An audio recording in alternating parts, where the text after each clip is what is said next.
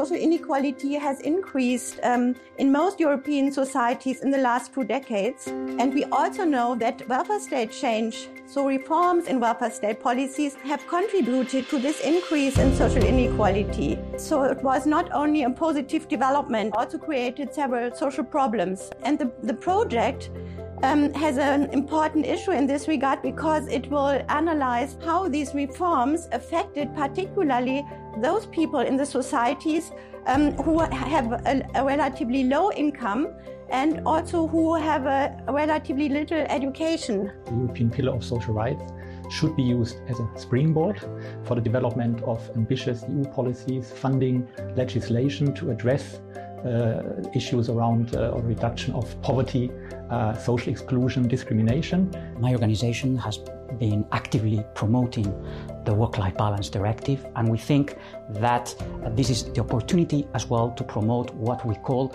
work-life balance virtue that means uh, more investment and quality investment in uh, childhood education and care long-term care disabilities minimum wage and, and so on just as the work-life balance uh, directive profits to all the society and not to uh, just a few. We like the breadth of the European Pillar of Social Rights because it looks at many different aspects of life that determine how people age. The, the largest novelty that is in the European Pillar of Social Rights for us is the right uh, to long term care.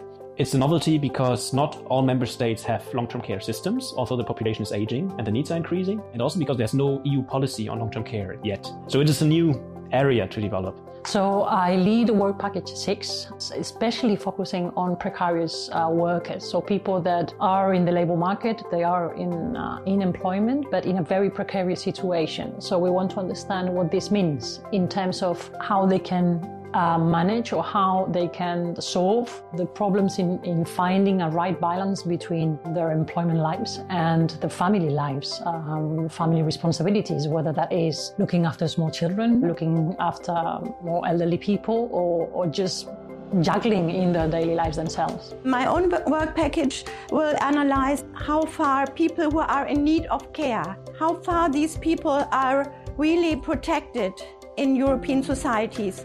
And this means, on one hand, how much social security do they have? Do the welfare states cover their expenses for the care, which can be immense um, when they are older and frail and really need strong care? Or do they get poor because they have this need? So, first of all, it's important for us to collect evidence on the ground in asking our members, so the concerns of those that are affected by material uh, deprivation, by monetary poverty, by exclusion, and to bring this together uh, and to see what are common issues uh, across all countries. Then we also uh, have a role in presenting uh, our insights and already solutions how these issues can be addressed to the European institutions. It's helpful to have this type of European policy targets and benchmarks and possibilities where we can also ask for a meaningful participation that we can influence policy making and the assessment of policy outcomes. Civil society organizations are there to bring in the voice of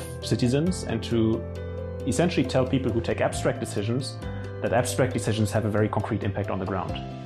On national level, it's different because you have some civil society organizations which actually work with citizens directly, and so they have a key role in implementing some social policies. So there, it's more a principle of partnership and giving society, civil society uh, organizations the capacity to actually uh, deliver on this. Uh, we civil society organizations have as well the role of watchdogs watchdogs that the researchers as well um, promote interesting data and that, that can benefit the society, and watchdogs that EU institutions and member states, and as well all kind of public administrations deliver what they have uh, they have promised. Really, am excited that uh, there is an aspect looking at access to long-term care for low-income groups uh, because that is a challenge.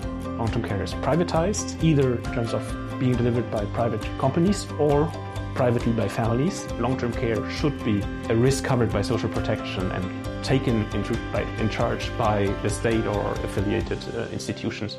So I hope the Euroship project will help to really understand the social dimension uh, of, of European citizenship. We need to understand how people live, whether people live the lives they want to live, and, and, and to what extent democratic institutions uh, support them uh, in living those lives.